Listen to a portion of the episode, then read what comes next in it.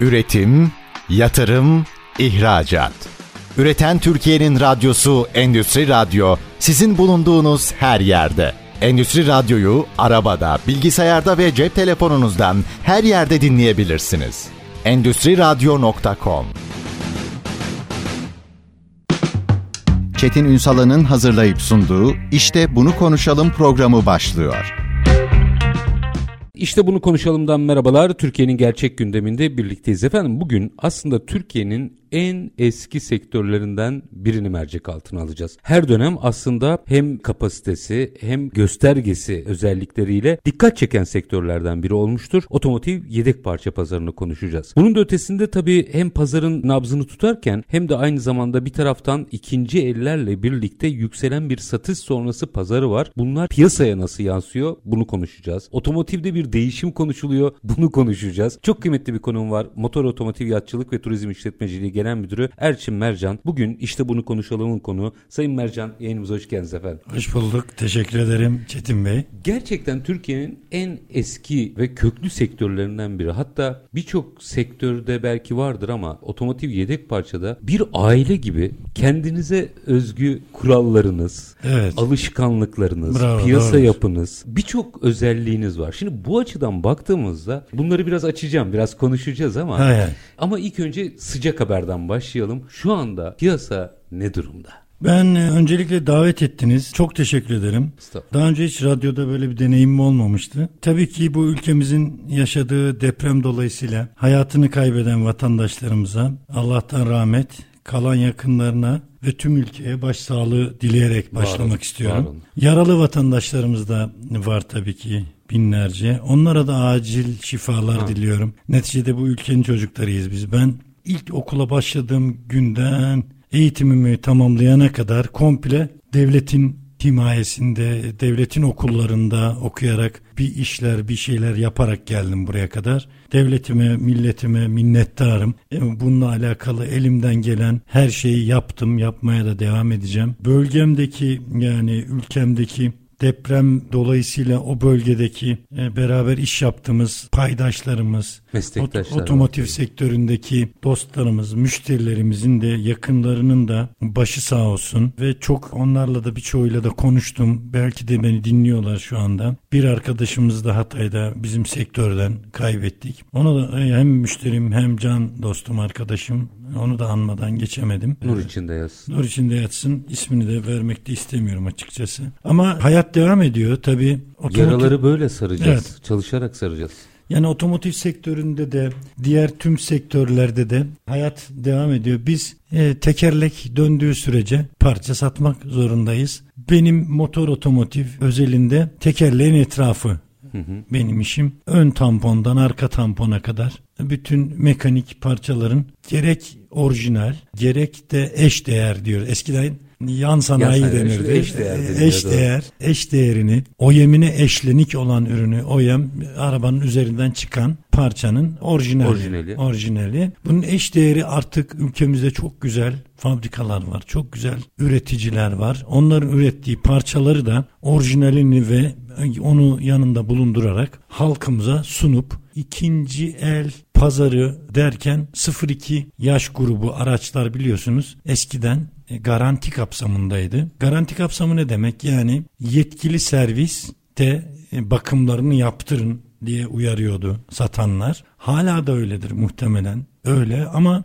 tabii 2000 e, Özellikle pandemide 2020 ile birlikte Evet. birinci ellerde farklı nedenlerle Çin Bravo, vesaire bir sürü nedenle orada bir aksama olunca ikinci el piyasası büyüdü. Aynen. Çin'deki tabii üretimin pandemide yavaşlaması hatta durması e, bizim yerli üreticinin çok kıymetli, çok değerli, çok kaliteli ürün ürettiğiyle ürettiği farkına varıldı. Aslında satıyorduk biz yani. Ama Çin atıyorum 100 birim lira yerli üretici 110 120'nin altına kadar gelemiyordu yani neticede maliyetler Maliyet eş değer değildi. Ben burada şunu hem buraya kadar geldim bu, bu, bu bilgiyi paylaşmak istiyorum. Buyurun. Ya şimdi bu 1-1-2007 yılında bu ülkede blok muafiyeti yasası çıktı. Yani kesinleşti.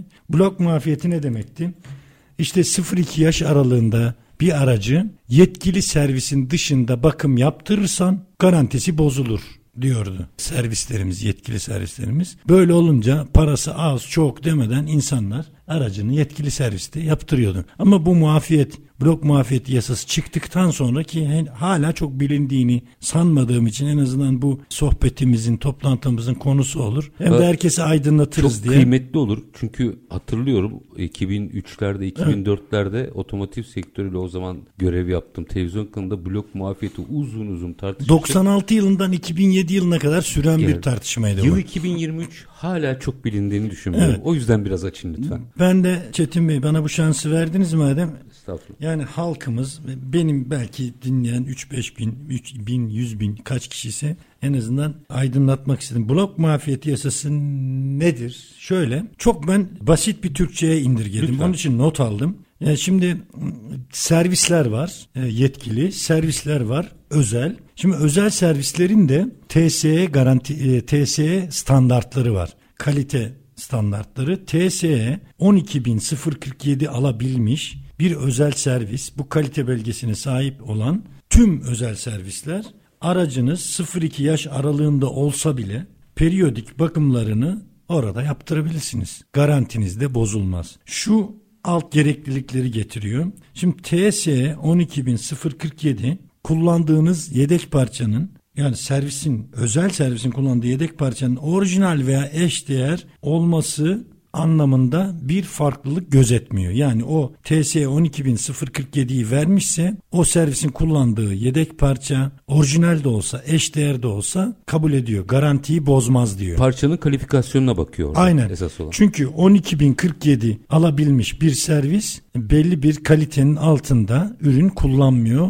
kabul ediliyor. Garantisini de haliyle bozmuyor. Ama bu yetkili servislere gitmeyin anlamına gelmiyor. Bilirsiniz yetkili serviste atıyorum 100 e, birim bir para ödüyorsanız o zaten pakettir yani. Aracınızın paketi atıyorum 100 birim derler. Ama özel serviste dostunuzdur, akrabanızdır veya yedek parçacı arkadaşınızdır. O serviste Atıyorum e, işte 50 ile 70, 60, 30 birimlere 100, 100 birimlik bir işi yaptırabilirsiniz. Ben burada rakam kullanmak istemiyorum. Çünkü aa 1000 liralık iş orada o kadarmış. Yani yanlış yönlendirmek de istemiyorum. Yani yetkili servisler de çok iyi iş yapıyor ve karşılığını alıyor muhtemelen ama aslında bir zorunluluğu ortadan kaldırarak iyi iş kim yapıyorsa orada yaptırabilirsiniz. Diyor. Aynen, aynen. Piyasada ne yaşanıyor gerçekte? Piyasada tabii ya bunlar çok konuşulmayan şeyler. Zaten programın adı çok güzel.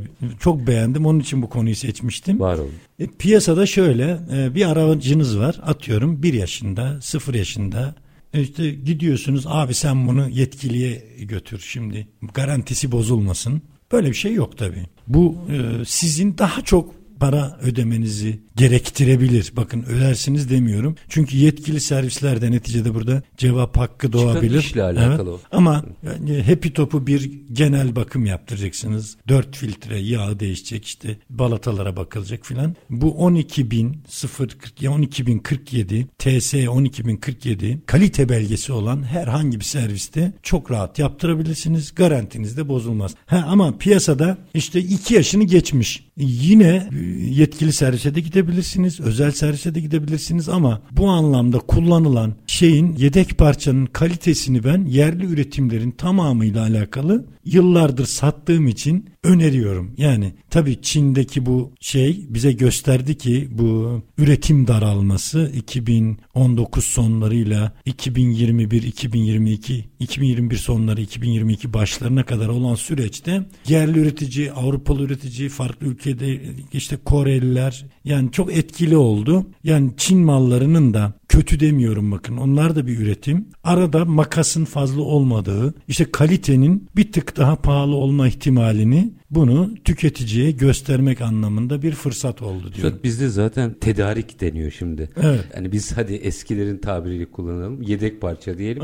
Ee, hani tedarik zinciri deniyor evet. ama baktığınızda neredeyse ana sanayi eşdeğer yan sanayi ihracatımız var. Bizim güzel, evet. burada çok güzel bir sektörümüz evet. var. Biraz eğilimler değişiyor. Şimdi madem uluk muafiyet Hı. ve Hı. servis e, meselesine atıfta bulundunuz. Ben gördüğüm bir eğilimi ikinci el piyasasına geleceğim ama Hı. gördüğüm bir eğilimi değerlendirmezdir rica edeceğim. Bir dönem 90'lardan itibaren e, hızlı servisleri görüş vardı otosanayiler vesaire Bravo, onlar aynen. ufak ufak geri çekilmeye başlamıştı. Çünkü müşteri de gider servise teslim eder neyse yapılırdı. Evet. Sonra blok muafiyeti önemli bir kırılma. Şimdilerde müşterinin tekrar parçayı ben alayım Evet. e, söylemi ortaya çıkmaya başladı. Tekrar piyasaya dönüp parça talep eden bir müşteri ortaya çıktı. Evet. Şimdi bu aslında otomotiv yedek parça hem üreticilerini hem de satıcılarını yeniden eski önemine getirdi gibi hissediyorum. Evet. Biraz işin bu boyutunu, o talebi biraz anlatabilir misiniz? Şimdi o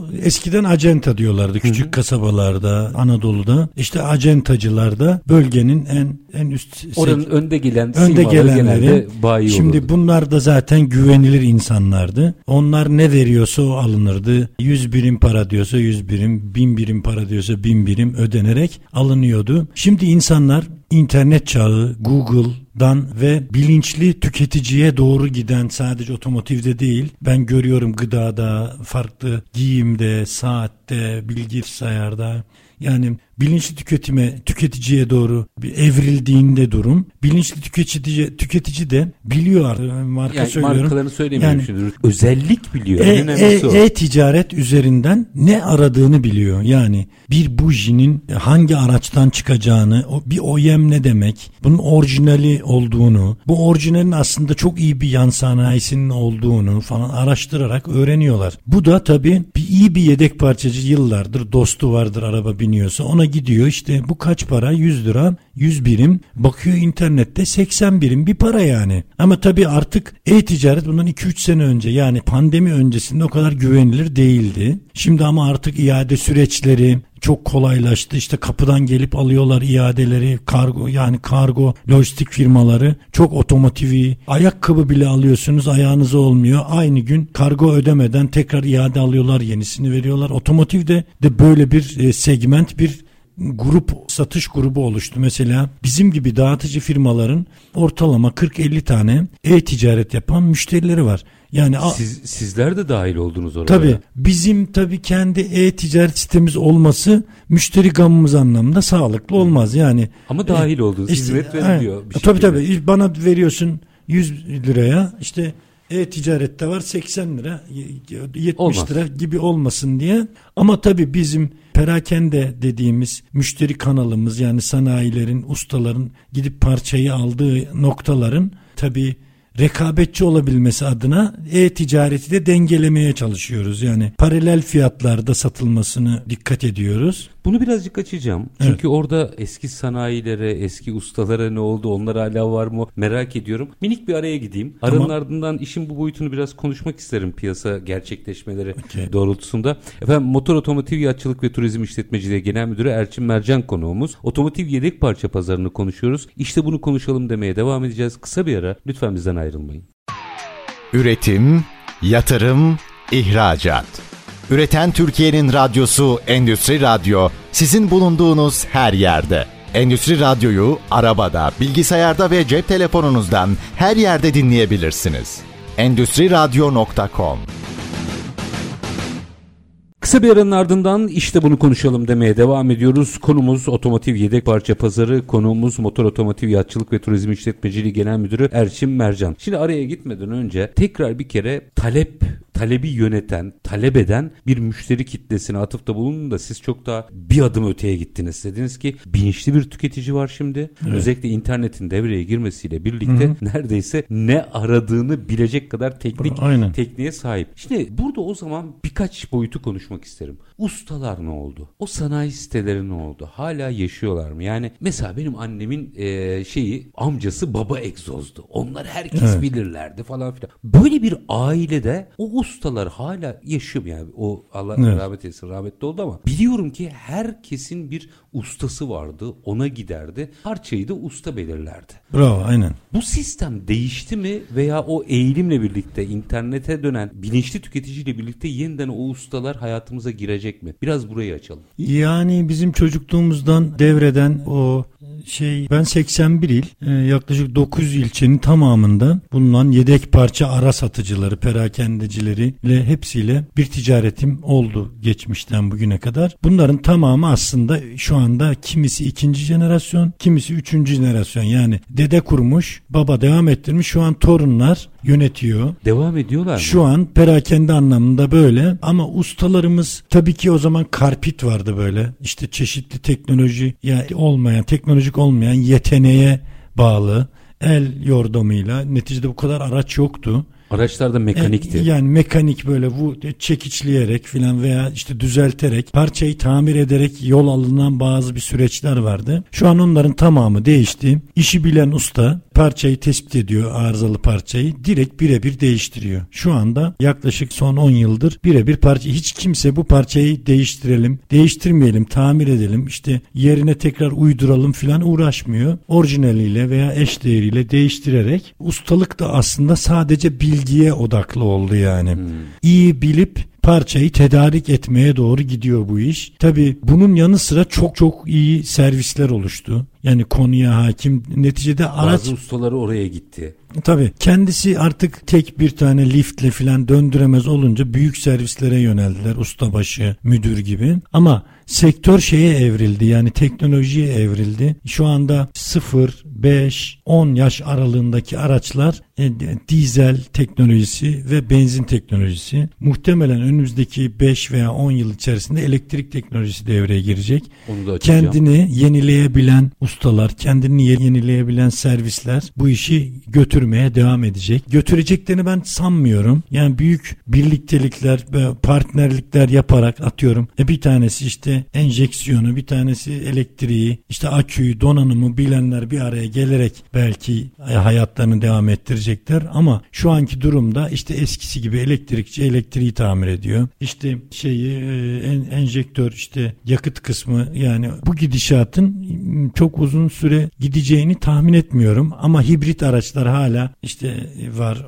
Onları öğrenmeye çalışıyorlar. Çeşitli kurumlar var işte bu şeyleri bir ustaların birleşmesini sağlayıp gruplar kurmaya çalışıyorlar. İşte 100 tane servis tek isim adı altında hem ortak satın alma yapmak anlamında hem eğitimlerini geliştirmek anlamında yani bilmedikleri şeyleri öğrenerek illerini ilçelerini temsil ederek hayatta kalmaya çalışılan bir sektör yani. Yani aslında kendiliğinden hepsi birer servis haline dönüşüyor. Dönüşmek İş zorunda. oraya evet. gidecek zannediyorum. Peki elektrikli meselesine özellikle geleceğim ama onun ötesinde mesela şimdi birinci eldeki üretim hani artık dakikada bir araba üretilmiyor. Evet. Eskiden fabrikalarda böyleydi. Belki kısa süre içerisinde bu dönüşümle o da değişebilir Hı-hı. ama ikinci el piyasasını fiyatlardan da anlaşılacağı üzere uçurdu. Evet. Şimdi burada herkesin kanaati şu. Eğer ikinci el piyasası yükselişe geçtiyse bu otoyedek parça pazarını yetkili, yetkisiz servisler anlamında da parça üreticileri ya da ithalatçıları anlamında da besleyecek bir faktördür. Evet. Çünkü artık araçların bakıma ihtiyacı var. Bravo. Toparlanması evet. lazım. Şimdi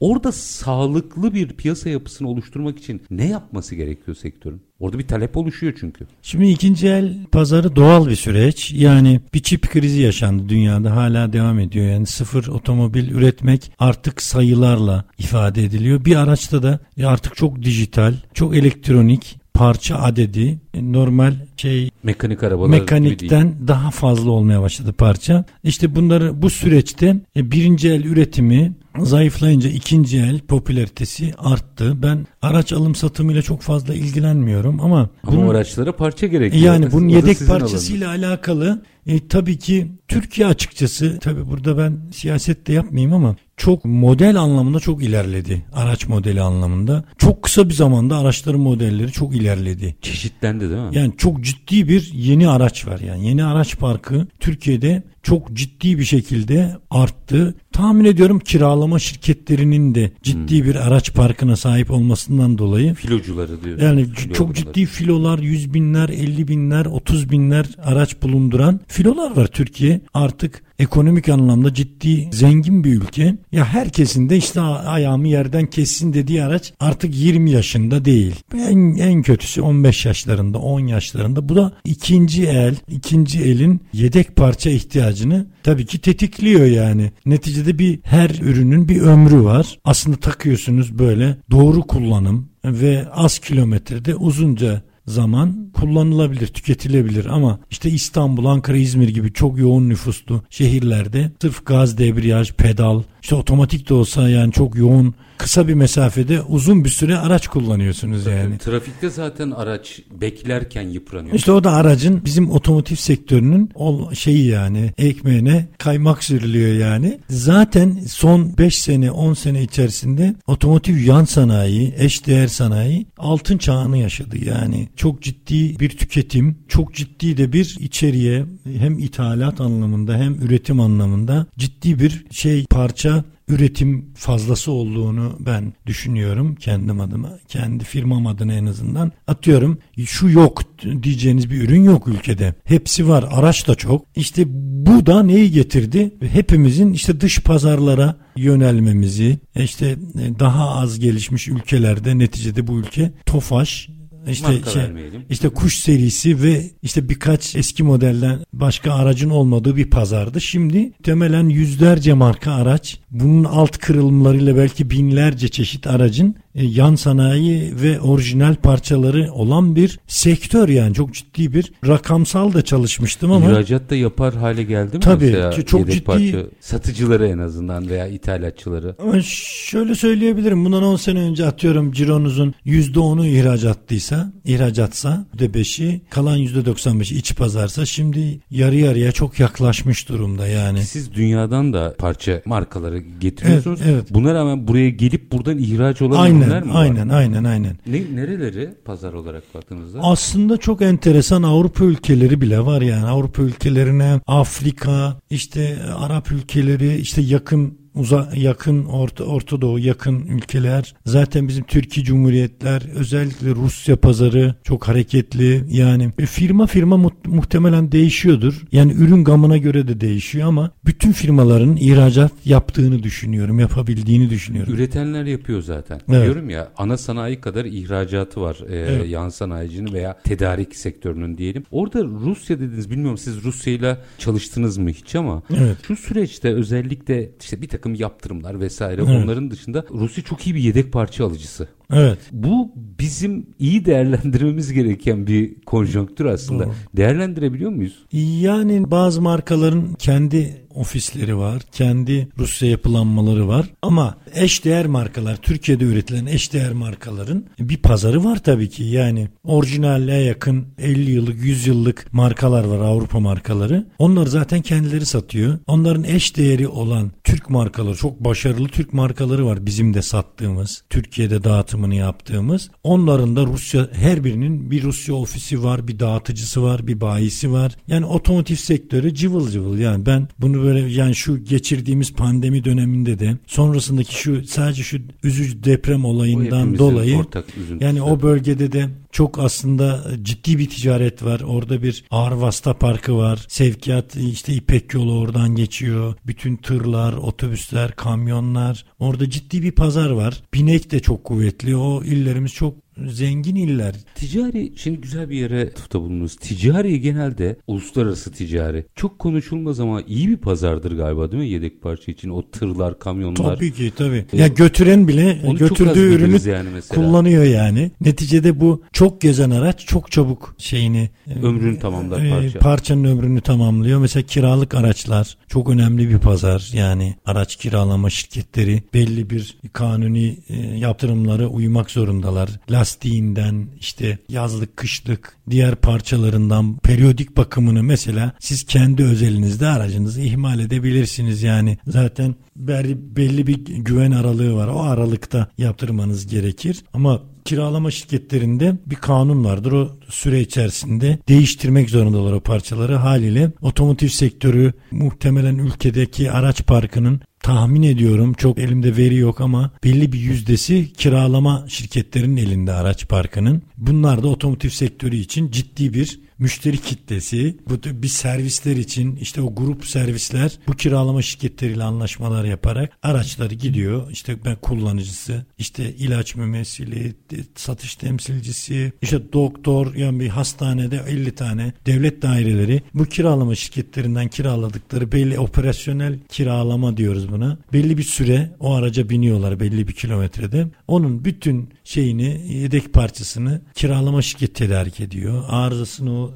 e, kazasını belasını o karşıladığı için hareketli sektörü canlandıran bir unsur yani. Yani bizim rentekar diye bildiğimiz kiralama şirketleri aslında en büyük pazar hacmini oluşturuyor. Aynen yaklaşık ülkenin %10 araç parkı olsa diğer belki de %90 kadar e, diğer %90 kadar bu %10 daha aktif araç kullanıyor. Zaten araç kullanmakla kilometreyle veya yaşla ilgili ürünün değişme periyodu yani. Atıyorum aracınız 20 bin kilometredeyse hala 3 yaşındaysa sorun yok yani. Tabii az kullandığınız için ama bir kiralama şirketinde belli bir kilometre periyodunda parçasının işte e, zincirlerinin veya kayışlarının değişmesi gerekli insan sağlıklı olarak bir yerden bir yere devam edebilmesi anlamında. Bu bilgileri artık tekrar ediyorum yani halkımız çok bilinçli benim gördüğüm kadarıyla. Çünkü biz bazen direkt müşteri arıyor yani. Ben arabama şu parçayı aldım. Şunu alayım mı? Ve şu markayı mı tercih Bu kadar edeyim? detay sorabiliyorlar. Sorabiliyorlar. Çok enteresan call center'larımız işte firmalardan bu tip sorularla muhatap oluyorlar. Ben de zaman zaman takip ediyorum. Çok hoşuma gidiyor. Çok güzel bir şey.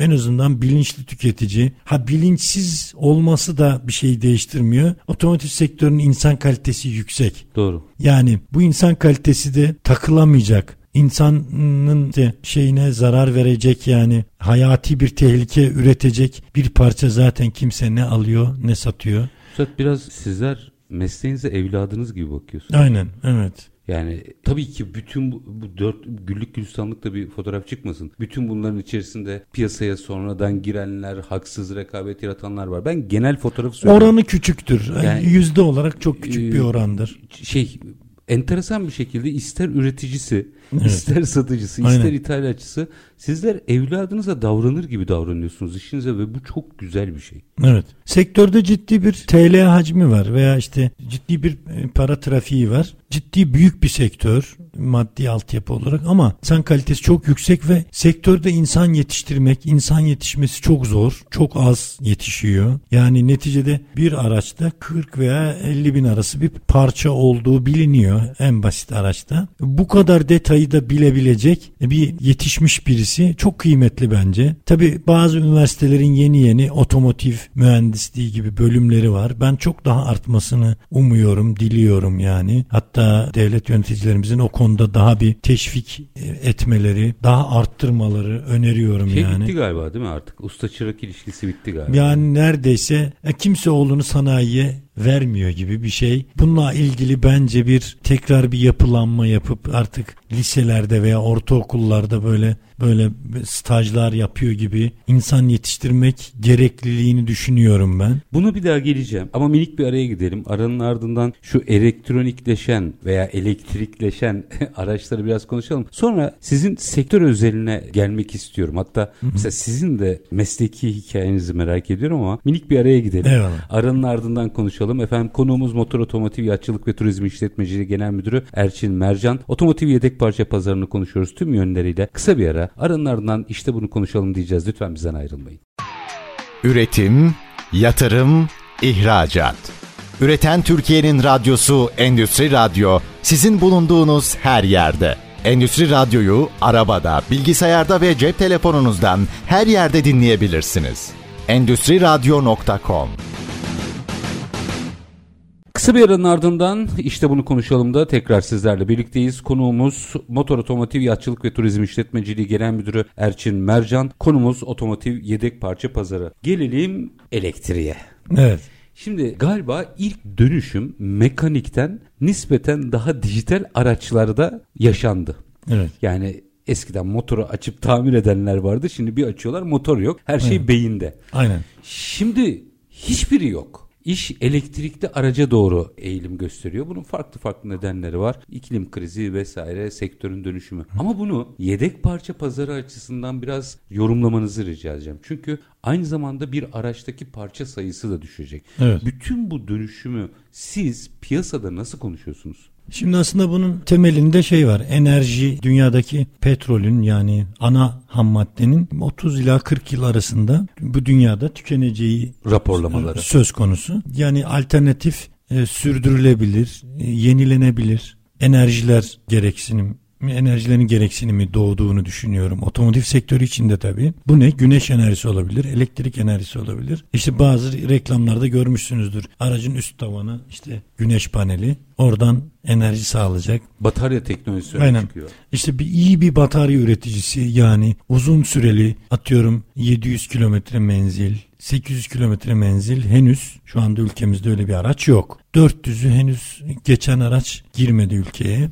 Bu tabi ne hangi hangi sanayileri yavaşlatacak veya yok edecek? Dizel, benzin, Bu yakıt alana parça üretenler. yakıt aksamlarını, bunların borularını, hortumlarını üreten, bunların pompalarını üreten, soğutucularını, ısıtıcılarını üreten yani bu fabrikaların off olacağını düşünüyorum yani. Of olmamak için de galiba Şey, o dönüşüm- dönüşüm, dönüşümü iyi okumaları gerekiyor. Nasıl galiba, bir dönüşümle döndü, dönüştürebileceklerini teknolojik altyapı bilgim ben ben istatistik okudum. Yani mühendislikten hiç anlamıyorum. Benimki, Herkes kendi işine baksın yani diyorsunuz. ben çarpı bölü yüzde oranlar Ama kesin olan dönüşmeleri gerekiyor Evet dönüşeceklerini düşünüyorum. Dönüşemeyenlerde zaten teknoloji 3. dünya ülkelerine doğru gidecek. Yani daha düşük teknolojiler daha düşük ülkelerde kullanılmaya devam edecek. Ya teknolojilerini komple fabrikalarını götürüp oraya satacaklar ya da oralara ihracat yapmaya devam edecekler. Atıyorum son önümüzdeki 10 ve 20 yıllara kadar. Ondan sonra da zaten ya başka bir iş yapacaklar ya da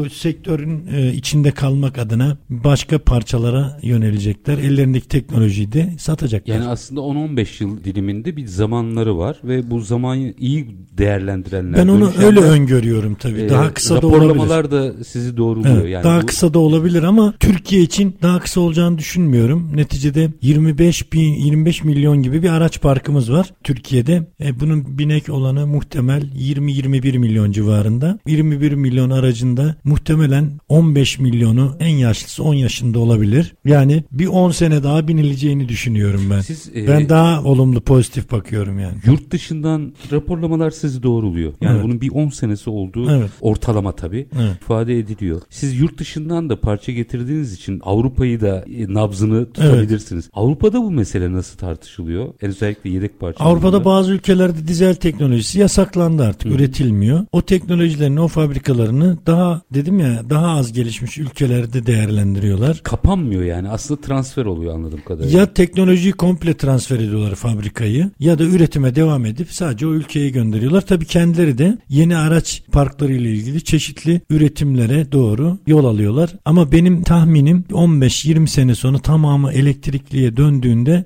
tamamı deyince zaten ön aksam yani gezen aksam hiç değişmeyecek. Fren fren olacak. Diski olacak. rahatım ne su balata olacak orada diyorsunuz. Aksı olacak ama işte filtrasyon, işte yakıtla alakalı bütün şeyler, teknolojiler hiçbir şeye evrilmeyecek, yok olacak yani. Neticede bir ama şey dünyada enerji gelecekte çok kıymetli bir şey, emtia olacak. Bence ileride bunu başka bir e, hocamdan da duymuştum çok yakın zamanda. Enerjiyle ilgili bir para biriminin oluşacağı ile ilgili böyle bir Öngörüsü. teori, öngörü duymuştum. Yani enerjiyle ilgili bir para birimi oluşması demek enerjinin dünyada çok alınan, satılan, çok kıymetli bir şey olacağını düşünüyorum. Bunda elektrik enerjisi, güneş enerjisi, X lira, lira mı, dolara mı endeksli olacak artık e, bir para birimi gibi yani coin gibi bir para birimi olacağını ben de öngörüyorum. İş oraya kadar gidecek. Evet. Yine otomotiv sektörü açısından baktığımızda artık otomotivciler de kendilerine otomotiv demekten vazgeçiyorlar ufak ufak. Mobilite demeye başladılar. Şimdi hepimiz sokaklarda görüyoruz bir sürü farklı farklı cihazlar veya Evet. araçlar gündeme gelmeye başladı. Şimdi yedek parça pazarı açısından oradaki pazar doğru okunabiliyor mu peki? Yani o mobiliteye giren işte scooterlar şunlar bunlar Evet. Onlar da aslında günün sonunda parça ihtiyacı olacak Aynen. alanlar. Orayı ders çalışıyor mu pazar veya konuşuyor musunuz kendi aranızda? Şimdi zaten kaporta dediğimiz aksam değişmeyecek. Yani içine bindiğinde üstü kapanacak, açılacak cam, çerçeve. Neticede onlar hiç değiş o sektör olduğu gibi yoluna devam edecek. Elementler değişecek belki. Evet Kullanılan belki daha elementler. sert olacak, daha Sert, yumuşak hafif olacak, vesaire. daha çabuk kırılacak veya daha mukavemetli olacak. Ama teknoloji olarak yedek parça anlamında tamamen elektroniğe döneceğini öngörüyoruz. Sensörler, binlerce sensör, işte e, çipler, bu mikroçiplerin her biri sizin de vardır e, illaki yeni Yarı nesil- yetkenleri diyorsunuz Evet yani. yani. böyle otonom araçlar yani şoförsüz şeyi kuracaksınız. Araç siz toplantıdayken bulunduğunuz yere gelecek, parka girecek gibi. Bunlar zaten planlanmış, projelenmiş, üretilmiş, denemeleri yapılmış. Şimdi teknoloji dünyada sırayla geliyor. Yani bir çalışılmış mı örneğin ben bundan 4-5 sene önce 200 kilometre menzilli tam otomatik bir binek araca bindim yani. 150-200 kilometrede bir enerjisi biten Elektrikli. Evet yani. evet. Hı hı. Aküsünün pahalı olan yani akü diyoruz artık ona. Pahalı olan yani araç atıyorum 100 lira 100 birim bir paraysa aküsü 800 birim gibi. Yani aslında biz enerji satacağız. Araç kaportası olacak bunun gelecekte. Böyle düşünüyorum otomotiv sektörü. Üreticiler mesela aksam üreticilerinden bahsediyorum. Ağırlıklı olarak bu işe ders çalıştıklarını biliyorum. Yani zaman zaman Taysat'tan konuklarımız oluyor. İşte ihracatçı birliklerinden konuklarımız oluyor. Buna ders çalışıyorlar. Yani üreten ders çalışıyor. Peki piyasadaki satan esnaf bunun farkında mı? O ders çalışıyor mu? Piyasada zaman zaman işte bizlerle hani böyle işte çok samimi olduklarımız veya işte bir 5-10 dakika fazla oturacağımız müşterilerimiz de Abi sektör nereye gidiyor? Ne yapacağız? İşte bu benzin, dizel kalkacak, benzin kalkacak. Nasıl yapacağız? Onlar da ona göre yedek parçalar satacaklar. Yani. Farkındalık var ama Tabii konuşuluyor. biliyorlar Yani tabii. kadarıyla. Yani böyle binlerce stok artık ya diyorum ya artık ticaret de dijital oldu yani.